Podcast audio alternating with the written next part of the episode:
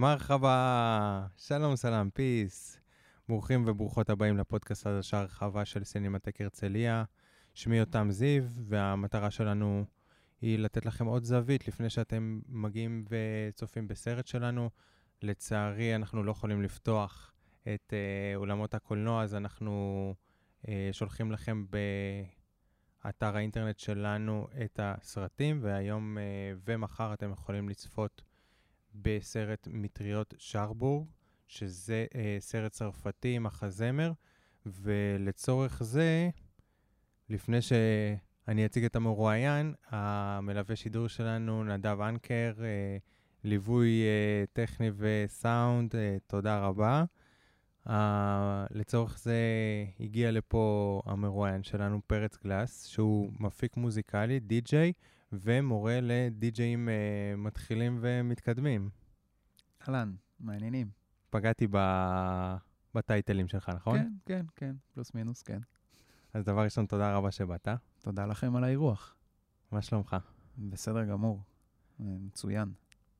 אני תוהה אם... אה, כן, קודם כל תספר אה, קצת על עצמך. אז אני פרץ גלס, אני בן 31, אני, כמו שאמרת, די-ג'יי, מפיק מוזיקלי, מדריך קורסי די-ג'יי, גם כתבתי לפני, כמה זה? לפני איזה שנה וחצי סיימתי לכתוב ספר ילדים, שעכשיו ממש בתהליכי הוצאה לאור, והלוואי והוא יצא כבר לאור, מקווה שבאזור דצמבר. זהו, זה בגדול מה שאני עושה בחיים. וחשוב לציין, לי חשוב לציין שאתה כבר 15 שנה בתעשייה. אני, כן, כן. אפילו כן. קצת יותר. Uh, כן, תלוי. בק... בקטע מקצועי, בוא נגיד, uh, 15 שנה, התחלתי בגיל מאוד צעיר. אז uh, מאיפה הגיעה פתאום הקריאה הזאת בגיל צעיר ל... להיכנס לה לתחום? וואי, זאת שאלה מעולה. Uh, האמת שלא הרבה אנשים יודעים, את הגיג הראשון שלי כדי-ג'יי עשיתי באזור גיל 12, uh, זה אומר כיתה ו', uh, על טייפ double cassette, באיזה מסיבה שאני אפילו לא זוכר מה היא הייתה, זה היה לילדים יותר קטנים ממני, ואני ועוד חבר שהכי מצחיק שהוא גם היום בתחום, הוא כבר לא ממש די-ג'יי, אבל הוא עדיין בתחום הבמה. Uh, פשוט לקחנו טייפ double cassette והעברנו את המסיבה הזאת. Uh, ומשם עשיתי קצת מסיבות כיתה עם דיסקמנים והמערכת של ההורים שלי, uh, וככה עד שאיפשהו בכיתה, אני חושב כיתה י' או ט' זה היה. Uh, ממש רציתי להתמקצע בזה, uh, והלכתי לעשות איזה סדנת די-ג'יי של uh, חמישה ימים בחופש פסח, ושם די הבנתי שזה מה שאני רוצה לעשות. Uh, ואז כמובן uh, חסכתי כסף, קניתי את המיקסר הראשון שלי, בהתחלה ממש עבדתי uh, לא בצורה הכי מקצועית עם מיקסר די-ג'יי ושתי דיסקמנים עדיין. לאחר מכן קניתי קומפקטים, קומפקט דיסק כמובן, אחרי זה את הפטיפונים הראשונים שלי. Uh, וככה ממש מנסיבות של חברים, למסיבות שחברים מארגנים, לדנס ברים, למועדונים קטנים, מסיבות נוער, uh, וזהו, ו... וכן הלאה וכן הלאה, עד היום. והמשיכה הכי גדולה שלך בתוך עולם המוזיקה זה להיפ-הופ ראפ. אפשר להגיד, זה ה... אלה הסגנונות שעליהם גדלתי. אני חושב... Uh, שיש uh, עוד מסביב, בגלל זה אני ככה קצת סקפטי, למרות שזה הסגנונות שהכי קרובים לליבי, אבל uh, גם רגעי, דאנסול, פאנק, גטו פאנק, uh, יש, זה גם סגנונות שהשפיעו עליי ונכנסו לי ככה ללב במקביל להיפ-הופ. כמובן שלהיפ-הופ יש את המקום שלו, כי זה באמת מה שפתח לי את הכל. מה ההבדל בין היפ-הופ ל- לראפ? זה יפה שאתה שואל. האמת שאם לא הייתה קורונה, uh, אז uh, הייתי מעביר הרצאה על uh, תולדות ההיפ-הופ. Uh, ככה בקטנה, בשביל, בשבילך ובשביל המאזינים, ההיפ-הופ זה תרבות uh, בעלת חמש אלמנטים, uh, שאחד מהאלמנטים האלה uh, הוא ראפ. ראפ זה בעצם מוזיקת הראפ, זה, זה ראפרים. ראפרים, אה, בתוך התרבות הזאת של ההיפ-הופ יש גם את ה break dance, יש את הגרפיטי, יש את הביטבוקס, אה, מה עוד לא אמרתי? יש את הדי-ג'יי. אה, זהו, אמרתי הכל? כנראה שכן, חמש אלמנטים. אז break dance, ראפ, ביטבוקס, גרפיטי, ומה החסרתי? אני לא זוכר. מקסימום אה, תיזכר בהמשך נכון. ותספר לנו. אז בגדול, מה, מה קורה ב, בהרצאה שלך? מה שקורה בהרצאה, אה, זו הרצאה מגניבה לאללה, אה, כי זה באמת חומרים שאספתי מגיל, פוף, ממש ממש ממש צעיר. אני מדבר על 14, 15, 16, ועד היום. אה, שלל סרטים שראיתי, תוכניות, ראיונות, אה, אה, ספרים שקראתי, אה, שבעצם אה, מסבירים מאיפה הכל התחיל, למה, איך, ו- וזה ממש ממש מגניב, כי היום שאני מלמד תלמידים, אתה יודע, לת- לתקלט, אז אני תמיד בשיעור הראשון, אני מראה להם את, ה, את הסרטון, איזה סרטון של, של קול הרק. קול הרק זה די-ג'יי שדי בגללו, בגללו ובגלל עוד שני DJs, נולד הסגנון הזה, ואני אומר להם, תקשיבו, בגלל די-ג'יי, אשכרה נולד סגנון מוזיקלי, בואו, בואו רגע נראה ונדבר אה, ונראה איך, אה, איך הוא בעצם יצר את, ה, את הסגנון הזה, ואז אני מראה להם כמובן את הסרטון, וזה פשוט מגניב, כי הוא, מה שהוא עשה זה פשוט, הוא החליט במקום אה, לנגן את השירים במלואם כמו שאר הדי-ג'ייז, הוא פשוט החליט לנגן רק את הברייקים שלהם, כל הקטעי מעבר, ובעצם לעבור מקטע מעבר אחד לשני, וזה פתאום יצר איזושהי אווירה שונה, ולאט לאט דחף לזה שבעצם ייווצר סגנון חדש. כמובן שזה ככה על רגל אחת, אבל uh, בשביל זה בואו להרצאה. באיזה שנה זה קרה? בגדול, המסיבה שלהם שמה בסג'וויק, אה, 70, ואם אני לא טועה, ב-74, זאת הייתה המסיבה, אבל אה, אני, לא, אני לא סתם לא, לא זוכר את זה, כי אין לשים שם את, ה, את האצבע על, אה, על איזשהו מאורע אחד, כי זה היה התארגנות נורא איטית ונורא, אה, איך אני אגיד את זה? לא היה, לא, לא היה שם איזה מישהו שאמר, אוקיי, המצאנו את ההיפ-הופ, בוא נעשה א', ב', ג', ד'. לא היה איזה מישהו שפיקד על זה. פשוט קול הרק אה, חיבר את ה breaks, אה, לאחר מכן אה, החבר'ה שלו שם בשכונה היו תופסים את המיקרופון ובכלל עושים אה, בהתחלה כל מיני הגיגים כאלה, אתה יודע, במסיבות. תחשוב שזה 70, זה מאוד תמים. אה, אומרים היי למי שנכנס אה, בחרוזים, וקוראים לפה ומרימים לבלוק שלהם ולשכונה שלהם. אה, ופתאום בא הראפר הזה וחורז קצת יותר, ופתאום איזה שדר רדיו שמע את ה, כל הדבר הזה והפך את זה לממש קטע של התוכנית שלו. ואז בא גרנדמאסטר פלאש והחליט שהוא ממש עושה ביטמיקס, למי שיודע מה זה ביטמיקס. מה זה אה, ביטמיקס? ביטמיקס זה בעצם לחבר, אה, על זה מבוסס כל עולם הדי-ג'יי. זה בעצם לחבר אה, מקצבים אחד על השני, באותה מהירות אה, ובאותו תזמון. זה אומר שהמקצבים ממש ישבו אחד על השני, אה, ו- וככה יהיה מיקס מושלם בין שני שירים. ואז אפריקה במבטה, הצלע השלישית שם בין ה DJs, אה, כל מיני, את החבר'ה שלו, יש שם את הזולו ניישן זה נקרא, אה, ובעצם הוא לקח מלא מלא ילדי רחוב, שאני מדבר על זה גם, על, על הסיטואציה שממנה נולד ההיפ-הופ בהרצאה, על זה שמרוב הרס ועוני ברמה הכי קשה שיש, נולד סגנון מוזיקלי, וכאילו איך אפריקה במבטה ידע לקחת את כל ילדי הרחוב האבודים האלה, ו- ולהגיד להם, חבר'ה, יש אחלה אלטרנטיבות, בואו תלמדו רגע לעשות ברייקדאנס, בואו תראו מה אתם שווים, לא אה, בקרבות יריות וקרבות סכינים ברחובות, או למכור סמים, או whatever שלא קרה שם ברחובות של, של ניו יורק, אלא בואו, ת, תעשו ראפ, תראו, יש לכם את זה, כאילו, הגרוב הזה נמצא בתוככם, רק, רק תראו, תנדבו את זה למקום הנכון. אה, וככה ממש על רגל אחת אה, נולד ההיפ-הופ. ואם כבר בהולדת ההיפ-הופ, אז הלוקאלי, הישראלי, מתי אה, בערך... אה... תשמע, יש, אה, הנה, זה, זה, זה מדהים שאין באמת לשים את, ה, את האצבע על, אה, על איזה משהו, אבל אה, על איזשהו תאריך. כי uh, יש שיגידו לך שיאיר ניצני הראשון שעשה פה ראפ. אתה מדבר, uh, יאיר ניצני עשה את זה באזור 89, אם אני לא טועה, 88. Uh, וחלק יגידו לך, לא, האדמו"ר הוא זה שהראשון שהביא את זה, וחלק יגידו לך, לא, זה עוד לא היה זה, זה היה דחקה, ויגידו לך, זה פישי, יגידו לך, זה שב"כ סמך. כל אחד יגיד, uh, יגיד לך איזה משהו אחר. אבל היסודות הונחו כאן, אה, אגב, אם אתה, שואל, אה, אם אתה שואל אותי, יש דמיון מדהים בקטע הזה אה, בין השדרי רדיו, דיברתי איתך מקודם על אותו שדר אמריקאי.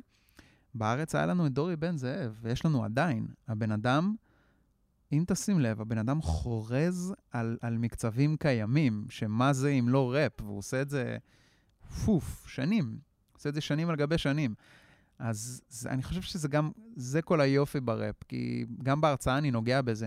כי, אגב, גם ב Hip-Hop Evolution של, של נטפליקס, יש שם קטע, יש שם איזה פרק, אם אני לא טועה, ש, שהוא פותח שם את ה... המנחה פותח שם את הפרק בזה שהוא אומר, ההיפ-הופ תמיד היה שם, הראפ תמיד היה שם.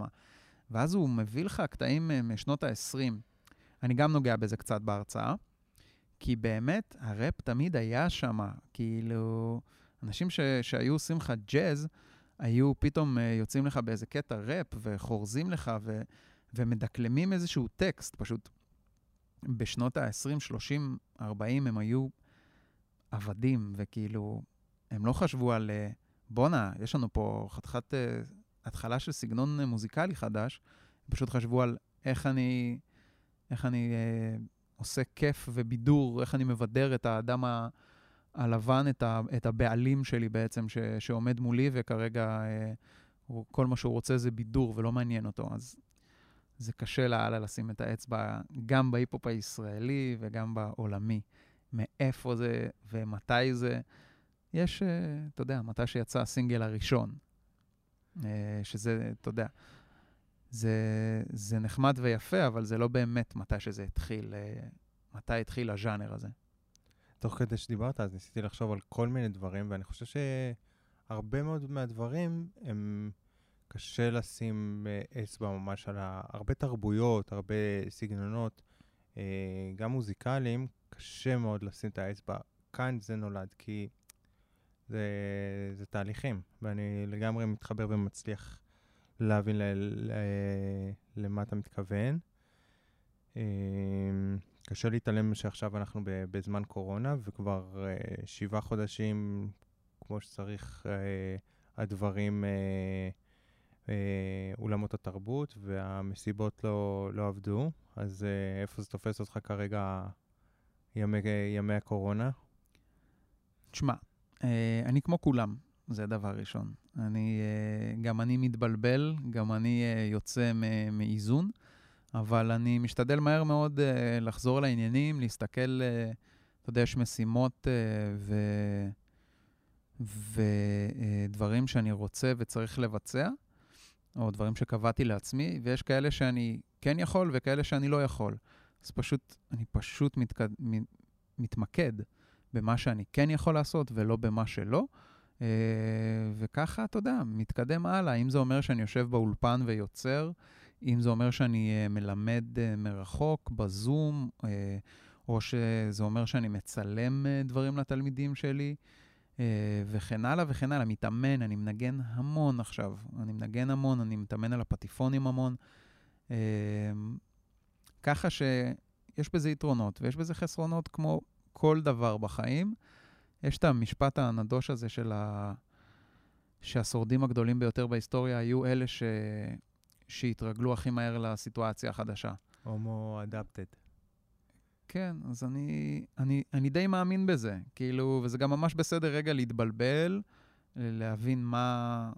להבין או לא להבין מה, מה אני יכול לעשות ומה אני לא יכול לעשות, ואז להתגלגל ו- ולמצוא את הדרך איכשהו. כן, זה נשמע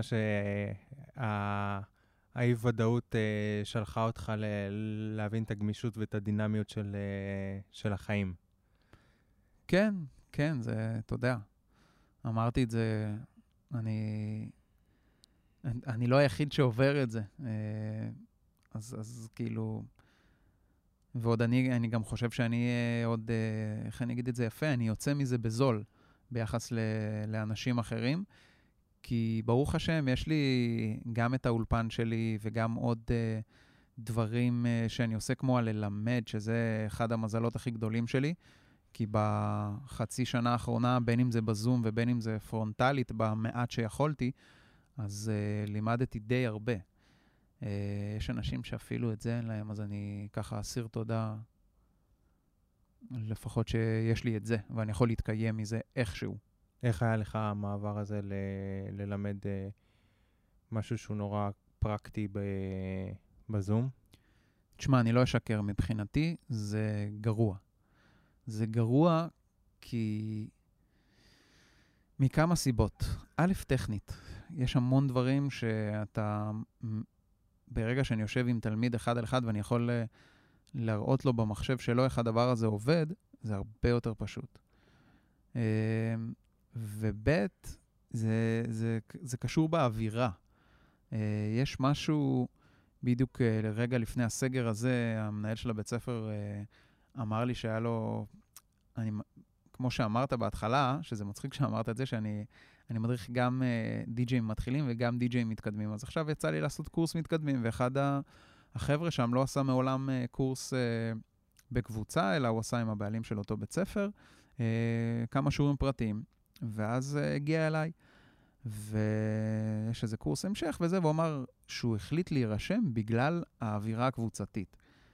וזה משהו שלצערי, גם האווירה וגם הערבות ההדדית, החברות ש, שנוצרת, אה, תשמע, זה, ב, בסופו של דבר זה מוזיקה, זה...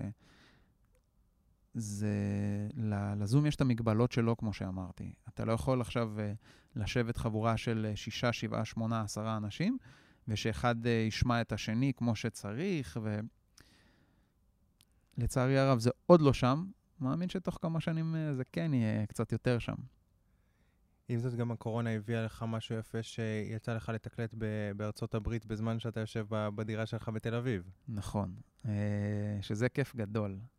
יצא לי לתקלט... ספר בגדול מה, מה קרה שם. אמ, יש לי חבר שהוא אה, מאמן כושר די רציני, הוא גר עכשיו ב-LA, והוא פשוט ארגן לי כל מיני מסיבות זום כאלה לתקלט בהם. Uh, וזה היה כיף, זה מצחיק, כי גם כשהייתי בארצות הברית הוא ארגן לי לתקלט במסיבות שמה. Uh, יצא לי גם, אגב, אם כבר מדברים על זה, ל- ל- ל- יש, יש לזום את היתרונות ואת, ה- ואת הנפלאות שלו. יצא לי גם לתקלט לאנשים מהולנד, אה, ככה זה, זה, זה לגמרי פתח, אה, פתח לי עוד דלתות ו, ומרחבים. אה, יש לזה גם את היתרונות. במסיבות זה לגמרי, זה, זה קטע מגניב. בלימודים קצת פחות. ועם זאת, היה איזה שלב ב... בזמן הקורונה שאתה עשית מהלך שאני נורא הערכתי. שאמרת, אין לי כרגע עבודה בתקלוט, אני הולך לעבוד במשק של uh, ירקות. נכון. Uh, תשמע, אני... א', תודה על הערכה, אבל אני לא רואה את זה כאיזשהו מעשה נשגב. זה נשמע לי כמו הדבר הכי הגיוני לעשות. Uh, לצערי, המענקים uh, לא הספיקו לי להתקיים. יש לי uh, דירה וחשבונות ואולפן uh, לשלם עליהם. Uh, באותה תקופה לימדתי כמה תלמידים uh, בודדים uh, בפרטי, ועוד uh, קורס אחד uh, באותו בית ספר שאני מלמד. פשוט הייתי צריך להכניס כסף, הסתכלתי שמאלה ימינה, במקרה המשק הזה הוא של חבר מאוד טוב שלי. שאלתי אותו אם הוא צריך עובדים, ובאתי, נתתי שם איזה חודשיים, ואני אגלה לך סוד, אם המצב ימשיך ככה כמו שהוא כרגע, והמענקים uh, מהממשלה לא ייכנסו uh, כמו שצריך, אז כנראה שאני אלך ואני אעשה עוד סבב נוסף שם, כי אין לי, אין לי מה לעשות, אין לי אה, מסיבות, אין לי אה, תקלוטים, אין לי חתונות שאני מנגן בהן.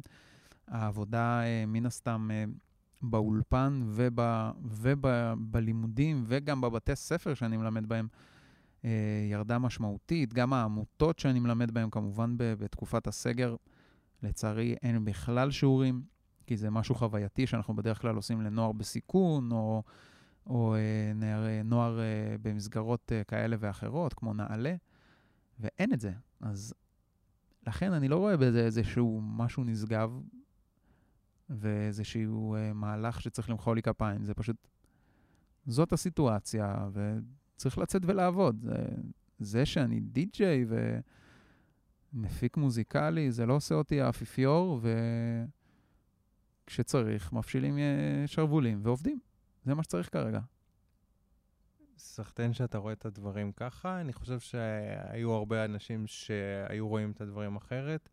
של קצת להתבצר בתוך האגו שלהם כזה, למה שאני אלך לעשות את זה? אני אה, עושה 1, 2, 3, 4, וגם מבחינת שכר של אה, ב- בערב ש- שאתה מתקלט בחתונה, אתה עושה בערך אה, שבועיים עבודה ב- במשק אה, חקלאי. תשמע, אתה, ככה אתה, אני חווה צודק. את המציאות. יכול להיות ש... אתה צודק, אבל אני אגיד לך עוד משהו, שזה לא יישמע כאילו אני איזשהו אה, אה, פלצן או משהו כזה, כי היה לי לפעמים שם ימים שהייתי בא למשק, א', זה בשעות שאני לא רגיל לעבוד בהן, זה מצאת החמה ולפעמים משמרת של... אה, מה זה לפעמים? באמצע השבוע זה משמרת של 11 שעות, זה כאילו בעבודה פיזית. זה לא הדבר הכי פשוט בעולם. ולפעמים גם הייתי בא, ועל הרגע הראשון שאני נכנס למקום, וואו, מה... כל מה שבא לי זה שהיום הזה ייגמר, איך הגעתי לסיטואציה הזאת, כל מה שאני רוצה זה לעשות uh, מוזיקה. וגם היו לי ימים, האמת שהרוב המוחלט, זה שפשוט למדתי כל כך הרבה, כל כך, כל כך, כל כך הרבה, הן מהאנשים, הן מהלקוחות, הן מה, מההנהלה, אה, מהעסקים מסביב. ואתה יודע, יש דברים שאפילו לקחתי לעסק שלי. אה, ככה ש, שזה נראה לי שבשורה התחתונה הרווחתי שם הרבה מעבר לכסף. מדהים. מדהים שככה אתה אה, חווה ו- ורואה את, ה- את הדברים. שאלה קצת דורשת כנות, כמה מתוך השירים שאתה מנ... אתה בדרך כלל מתקלט בחתונות, כמה מתוך השירים שאתה מתקלט בחתונות, אתה אומר, אני ביום-יום שלא הייתי, כאילו, כמה אתה באמת, קשה לך כבר ל- לשים אותם, ב... או שעם הזמן לומדים לא- לאהוב גם את השירים שאתה פחות אה, אוהב. אה, איזה מעבר חד. כן. תשמע, אני, אה, אני גדלתי בבית סופר, סופר, סופר רחב ב, ב, מבחינה מוזיקלית, ברמה של, אני אתאר לך אה, כל אחד מיושבי הבית, מה הוא, ש- מה, למה הוא מקשיב, ואז אתה תבין קצת מה, מה, מה, מאיפה גדלתי. אבא שלי, היה לנו, היה לנו איזו תקופה, היה לנו changer באוטו של, של עשרה דיסקים. יכלת לשמוע שם ככה, דיסק אחד, היטמן, היטמן 7, 8, whatever, אני לא זוכר מה זה היה. הדיסק השני אה, יכל, אה, מה זה יכל? היה אה, בוב מרלי, הלקט המגניב ההוא שלו, Legend נראה לי זה נקרא. הדיסק השלישי זה כוורת. הדיסק הרביעי זה ג'ורג' בר. הדיסק החמישי זה אניגמה. עכשיו אתה חושב שאני צוחק. הבן אדם, בהמשך, ו- ובהמשך היה לנו, אה, היה לי כזה קטע, קני, קני, היינו קונים לאבא שלי בעלי חיים אה, לימי הולדת. לתוכי שלו הוא קרא סקאזי. אה, הוא אהב, הוא אוהב את הבלקן ביטבוקס, הוא שומע גם גליקריה. כאילו, זה רק תחשוב, זה רק מה שבא מאבא שלי. מאימא שלי אה, שמעתי המון מוזיקה אה, מרוקאית, אה, ובכללי אימא שלי בן אדם הכי פתוח בעולם למוזיקה, לכן זה היה היה לה נורא פשוט עם הטעם המוזיקלי של אבא שלי. אחותי הגדולה, היה לה אז קטע של סופט uh, רוק כאלה, אני מדבר איתך על אלבומים של יוטיוב בחדר שלה. Uh, אחותי, אחת מהאמצעיות, uh, שבתקופת uh, הילדות חלקתי את החדר, והיא גדולה ממני ב... כמה היא גדולה ממני? בארבע שנים, חמש שנים. Uh, לה אני מודה הכי הרבה. למה? היא הראשונה שהשמיעה לי וויל סמית, mm. ושב"כ סמך, ושם התאהבתי בהיפ-הופ. Uh, וגם האחות הקטנה יותר, כאילו זה, זה, זה, אתה יודע, פתאום uh, רוק ישראלי ומוש בן ארי וכנסיית השכל. ואני לוקח את כל זה לשאלה שלך. יש שירים ספציפיים שאני פחות אוהב, או כבר די, לא יכול לשמוע, אבל uh, א', זה עסק. וב', אה, אם זה מה שהקהל רוצה, זה מה שהוא יקבל. אה, בתקלוטים שהם יותר אומנותיים שלי, יש דברים שאני, לא, אין לי, אני לא, אני לא אנגן את זה. אבל ככה, אני יכול ליהנות היום בחתונה מעומר אדם ומשה פרץ אה, ועד, לא יודע, ועד קנדריק למר. ויש באמצע פשוט שירים לפה או לשם. סגנונית, זה לא... אין לי את זה, אין לי את זה ב-DNA. אני יכול לשמוע טראנס, ואני יכול לשמוע היפ-הופ, ואני יכול לשמוע אה, מוזיקת עולם, ולאהוב את הכל. בקרוב יוצא הספר, אז ספר קצת על ה... אני אוהב את המעברים החדים שלך. כן, אתה לוקח okay. את הראש שלי לכיוונים אה, אחרים כל רגע. מפתיע אותך. אה, אז מה לספר על הספר?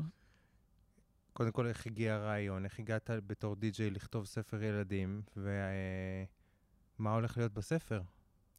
טוב, אז אני אגלה לך איזשהו סוד. האומנות uh, ש... שהתעסקתי בה במקביל uh, לתקלוט מגיל מאוד צעיר, אני זוכר את עצמי בכיתה ז' כבר רשמתי את ה... כתבתי את השיר הראשון שלי. אני זוכר את המילים שלו עד היום, זה היה שיר עצוב, לא יודע מאיפה זה בא לי. אמ, ובמהלך השנים אה, כתבתי וכתבתי וכתבתי, מי כמוך יודע, היה לי הרכב אה, היפ-הופ שהייתי אחד הראפרים.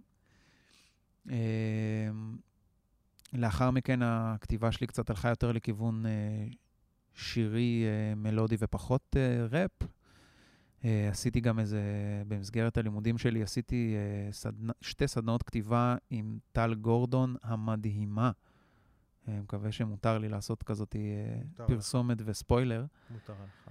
היא, וואו, מה שהיא פתחה אצלי בכתיבה, זה לא יסולא בפז, ואני אומר לה את זה כל פעם שאני רואה אותה.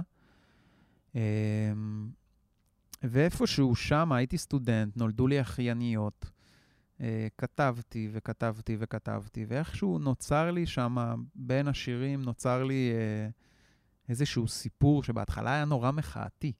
קראתי לו מכונת הכסף, אה, וזה באמת קצת מתאים ליורם, גיבור הסיפור שלי, מזווית אחת, כי הוא איש עסקים שרץ אה, בכל העולם, אה, עד שבאמת נופל לו האסימון שכל מה שהוא רוצה לעשות זה להיות בישראל, בבית שלו, עם הילדות שלו.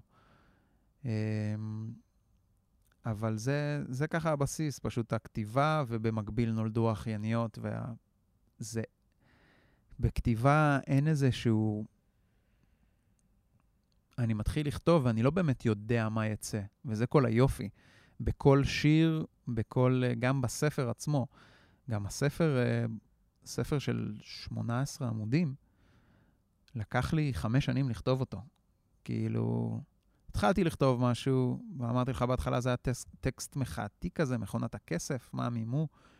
ואז uh, שמתי אותו בצד וחזרתי אליו, ושכתבתי אותו, ועזבתי אותו עוד פעם בצד, ואז עוד, כאילו, זה ממש איזשהו תהליך כזה של, אתה יודע, קורה עד שזה באיזושהי תקופה פשוט לקחתי אותו כפרויקט מרכזי, כי אמרתי, אוקיי, יש פה משהו ש, ששווה וכדאי לעבוד עליו, גם אם זה לא אה, משהו שאני עושה ביום-יום שלי.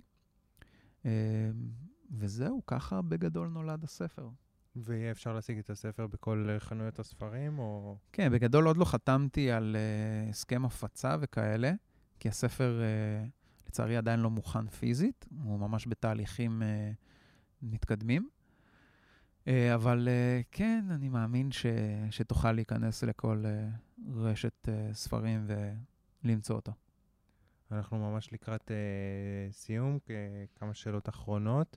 Uh, חמש שנים מהיום, עם uh, איפה אתה רוצה לראות את עצמך, עם איזה אמן ישראלי היית רוצה לשתף פעולה? וואו, שאלה מדהימה. Uh, יש כמה אמנים ישראלים שאני uh, רוצה מאוד לשתף איתם פעולה, כי הם המקור להשראה שלי. אחד מהם uh, זה רביד פלוטניק, נצ'י נץ'. השני אולי uh, מפתיע, אבל עידן חביב. Uh, אלה, בוא נהיה, בוא נהיה צנועים, נגיד שבחמש שנים הקרובות uh, הם. וכמובן שלהגשים את, ה, את החלום שלי, של אותו ילד שהייתי, וזה להפיק uh, אומנים uh, מהתעשייה בארצות הברית. גדולים, קטנים, ככל שיהיו, יש לי איזה חלום מאוד גדול uh, להפיק את לוג'יק, הראפר. Uh, הלוואי וזה יקרה. זה כזה חלום שמניע אותי. Uh, הוא בדיוק אבל uh, החליט שהוא קצת פורש ממוזיקה, כי נולד לו בן. אז לך תדע, לך תדע לאן זה יוביל. ושאלה אחרונה שהיא גם לא קשורה ל- לכלום. אה, פרץ, זה השם הפרטי. ספר בגדול, כי זה יכול, הרבה אנשים ששומעים את זה, נכון. זה יכול לבלבל אותם. אז קוראים לי פרץ חי גלס. אני לא משתמש הרבה בחי. עכשיו, uh, כשהספר uh, יצא לאור, הוא יהיה כתוב uh, כפרץ חי גלס. זה על שם סבא שלי בגדול. וחוץ מזה שזה על שם סבא שלי, זה פשוט שם תנכי. הרבה אנשים דתיים כזה ישר יודעים, אה, אוקיי, פרץ, זה כאילו, זה הרבה יותר טריוויאלי להם מאשר אנשים חילוניים. אז שם יהודי מהתנ"ך בגדול, ושם של סבא שלי. מדהים. תודה רבה שהסכמת לבוא, פרץ תודה גלס. לכם, תודה רבה לכם על האירוח. תודה רבה למלווה השידור שלנו והטכנאי הסאונד נדב אנקר. ותודה רבה לכל מי שהקשיב והקשיבה. אנחנו עדשה רחבה, הפודקאסט של סינמטק הרצליה.